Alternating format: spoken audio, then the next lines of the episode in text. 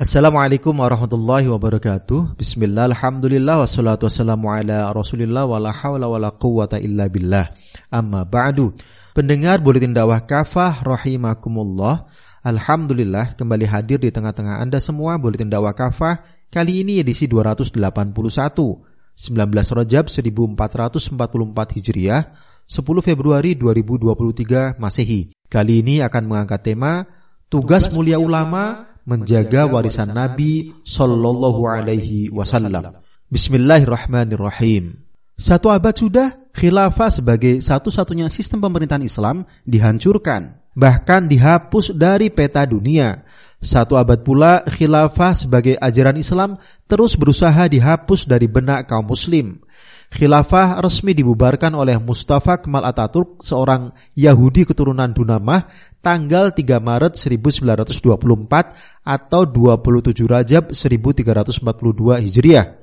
Persis satu abad lalu, pembubaran khilafah yakni khilafah Utsmaniyah oleh Mustafa Kemal didukung penuh oleh Inggris sebagai negara penjajah garda terdepan saat itu.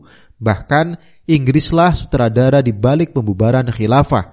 Pasalnya, Penghapusan sistem khilafah merupakan salah satu syarat yang diajukan Inggris agar kekuasaan Mustafa Kemal Ataturk atas negara Turki diakui. Syarat lainnya antara lain, Mustafa Kemal harus segera memproklamirkan Turki sebagai negara sekuler. Dikutip dari Mahmud Syakir dalam kitab Tarikhul Islam, jilid 8 halaman 233. Beberapa bulan setelah penghapusan sistem khilafah pada tanggal 24 Juli 1924, kemerdekaan negara Turki sekuler secara resmi diakui dengan penandatanganan Traktat Lausan. Ternyata pengakuan terhadap kemerdekaan Turki ini ditentang oleh sekutu-sekutu Inggris. Namun, untuk meyakinkan para sekutunya, seorang pejabat Kementerian Luar Negeri Inggris saat itu, George Curzon, berkomentar inti permasalahannya adalah bahwa Turki telah dihancurkan dan tidak akan bangkit kembali. Pasalnya, kita telah menghancurkan kekuatan spiritualnya, khilafah dan Islam. Dikutip dari The Middle East, vol 30 bagian 4 halaman 39. Pendengar rahimakumullah, satu abad wacana menolak khilafah. Setahun sejak khilafah dibubarkan, seorang ulama Al-Azhar Ali Abdul Razik menulis sebuah buku yang sangat kontroversial pada masanya. Pasalnya, di dalam buku tersebut, Ali Abdul Razik dengan berani menolak kewajiban menegakkan khilafah yang telah disepakati oleh para ulama ahlus sunnah wal jamaah atau aswaja.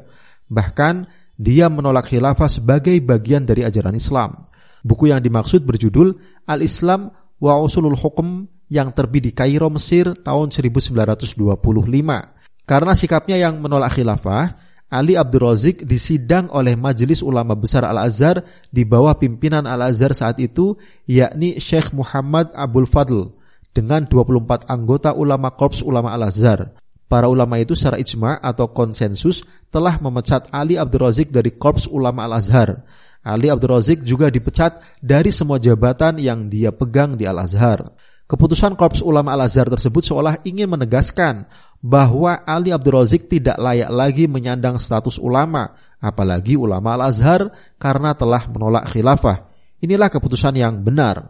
Boleh dikatakan, sejak Ali Abdul Razik lah wacana penolakan khilafah dimulai. Sayangnya, sejak itu wacana penolakan khilafah terus digaungkan di dunia Islam.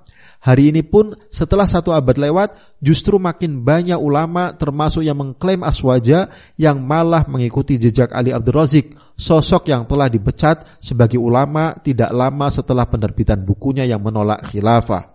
Pendengar rahimakumullah, khilafah warisan Rasulullah sallallahu alaihi wasallam.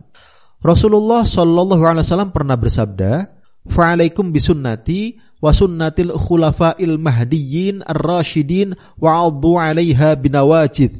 Kalian wajib berpegang teguh pada sunnahku dan sunnah khulafa rasyidin yang mendapatkan petunjuk dan gigitlah ia oleh kalian dengan gigi geraham. Hadis riwayat Abu Dawud. Sunnah khulafa rasyidin yang paling menonjol tentu saja adalah khilafah ar-rasyidah ala minhajin nubuwah Khilafah ini merupakan kelanjutan dari daulah Islam atau negara Islam yang didirikan oleh Rasulullah Shallallahu Alaihi Wasallam sejak pertama kali beliau hijrah ke Madinah. Dengan demikian, daulah Islam atau khilafah Islam merupakan satu-satunya sistem pemerintahan Islam yang diwariskan oleh Rasulullah Shallallahu Alaihi Wasallam yang wajib dipegang teguh oleh seluruh umat Islam. Wajar jika setelah era Khulafaur Rasyidin berakhir, kaum muslim secara terus-menerus melanjutkan kepemimpinan khilafah ini. Berakhirnya khilafah di era Khulafaur Rasyidin segera dilanjutkan oleh khilafah era Umayyah, kemudian era Abbasiyah dan yang terakhir era Utsmaniyah. Sayangnya, di era Utsmaniyah inilah khilafah dibubarkan oleh musuh-musuh Islam setelah tidak kurang 14 abad menjadi institusi penjaga Islam serta pelindung dan pengayom kaum muslim sedunia. Padahal pada era khilafah pula kaum muslim mencapai puncak kejayaannya dan masa keemasan peradabannya. Hal ini telah banyak diakui bahkan oleh para ahli barat yang jujur. Salah satunya Will Durant, ia berkata, Para khalifah telah memberikan keamanan kepada manusia hingga batas yang luar biasa besarnya bagi kehidupan dan usaha keras mereka. Para khalifah itu juga telah menyediakan berbagai peluang bagi siapa pun yang membutuhkan serta memberikan kesejahteraan selama berabad-abad dalam keluasan wilayah yang belum pernah tercatat lagi fenomena seperti itu setelah masa mereka. Kegigihan dan kerja keras mereka menjadikan pendidikan menyebar luas sehingga berbagai ilmu, sastra, falsafah, dan seni mengalami kejayaan luar biasa yang menjadikan Asia Barat sebagai bagian dunia yang paling maju peradabannya selama lima abad. Will Durant dalam buku The Story of Civilization. Cukuplah pernyataan Will Durant ini sebagai bantahan terhadap mereka yang menuding khilafah sebagai ancaman bagi dunia. Pendengar rahimakumullah, khilafah ajaran asli ulama aswaja.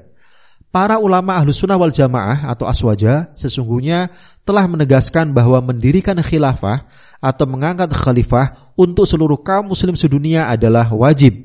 Kewajiban ini merupakan ijma sahabat bahkan telah menjadi ijma mayoritas ulama. Imam An-Nawawi, salah seorang ulama aswaja sekaligus ulama mu'tabar mazhab syafi'i, di dalam kitabnya Syarah Sahih Muslim menegaskan, wajma'u ala annahu yajibu ala muslimina nasbu khalifah wa wujubuhu bisyar'i la bil aql. Wa amma ma hukiya 'anil asammi annahu qala la yajibu an ghairihi annahu yajibu bil aqli la bisyar'i fabatilan. Para ulama telah berijma bahwa wajib atas kaum muslim mengangkat seorang khalifah. Kewajiban ini didasarkan pada ketentuan syariah, bukan didasarkan pada ketentuan akal. Adapun yang diriwayatkan dari Al-Asam bahwa mengangkat khalifah tidak wajib, juga dari yang selain dia bahwa mengangkat khalifah wajib berdasarkan akal, bukan berdasarkan syariah, maka pendapat keduanya adalah batil. An-Nawawi dalam kitab Syarh An-Nawawi Alal Muslim, jilid 6 halaman 291. Pernyataan Imam An-Nawawi ini sekaligus merupakan pendapat asli ulama aswaja tentang khilafah. Justru yang menolak kewajiban khilafah adalah Al-Asam dari kalangan Mu'tazilah. Disebut Al-Asam sebagaimana dinyatakan oleh Imam Al-Qurtubi karena dia tuli terhadap syariah. Bisa dilihat di Al-Qurtubi dalam kitab Al-Jami' li Ahkamil Quran jilid 1 halaman 264. Alhasil, mereka yang menolak kewajiban khilafah jelas menyalahi ajaran ulama aswaja. Mereka justru mengikuti pendapat Al-Asam yang tuli terhadap syariah. Pendengar rahimakumullah, tugas mulia ulama. Allah Subhanahu wa taala berfirman dalam Quran surah Fatir ayat 28, A'udzu billahi minasyaitonir rajim. Innama yakhsyallaha min ibadihil ulama. Sungguh yang paling takut kepada Allah di antara para hambanya adalah para ulama. Nabi Shallallahu Alaihi Wasallam juga bersabda, "Al ulama warasatul anbiya." Para ulama itu adalah pewaris para nabi. Hadis riwayat Abu Daud dan At-Tirmizi. Jelas Allah SWT dan Rasulnya telah memuliakan para ulama yang bertakwa yang hanya takut kepadanya. Mereka inilah yang senantiasa berani menyatakan kebenaran dan tidak takut kepada siapa pun selain kepada Allah Subhanahu wa taala. Khilafah jelas ajaran Islam.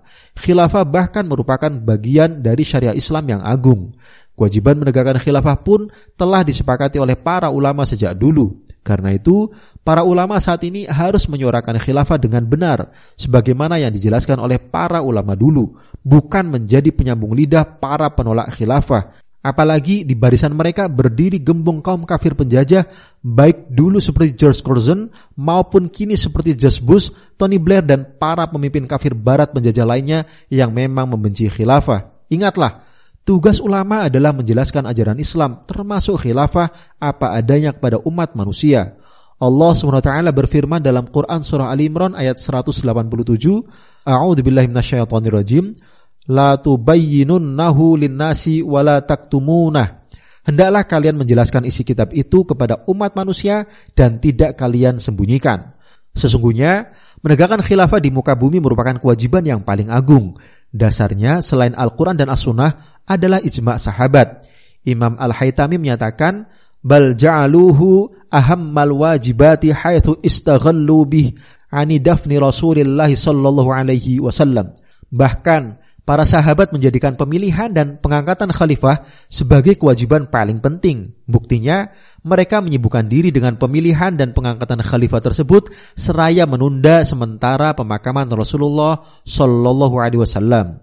Al Haytami dalam kitab Aswa'iqul Muhriqah halaman 55. Pendengar rahimakumullah. Alhasil, yang semestinya dilakukan oleh para ulama saat ini bukan saja menyuarakan kewajiban menegakkan khilafah. Harusnya mereka pun turut berjuang untuk menegakkan kembali khilafah.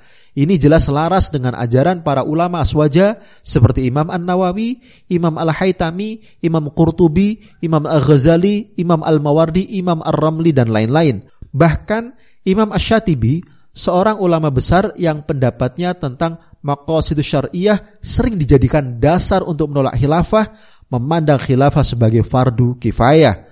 Asyatibi dalam kitab Al-Muwafaqat jilid 1 halaman 127. Menurut Syekh Mahmud Abdul Karim Hasan, maqasidus syariah ini justru hanya akan terwujud di dalam sistem khilafah bukan dalam sistem pemerintahan demokrasi sekuler ataupun yang lain meski di bawah payung piagam PBB sekalipun yang notabene bukan syariah karena tidak diistimbat dari Al-Quran dan As-Sunnah. Wallahu alam biswab. Demikian materi buletin dakwah kafah edisi 281 tugas mulia ulama menjaga warisan Nabi Sallallahu Alaihi Wasallam. Terima kasih. Wassalamualaikum warahmatullahi wabarakatuh.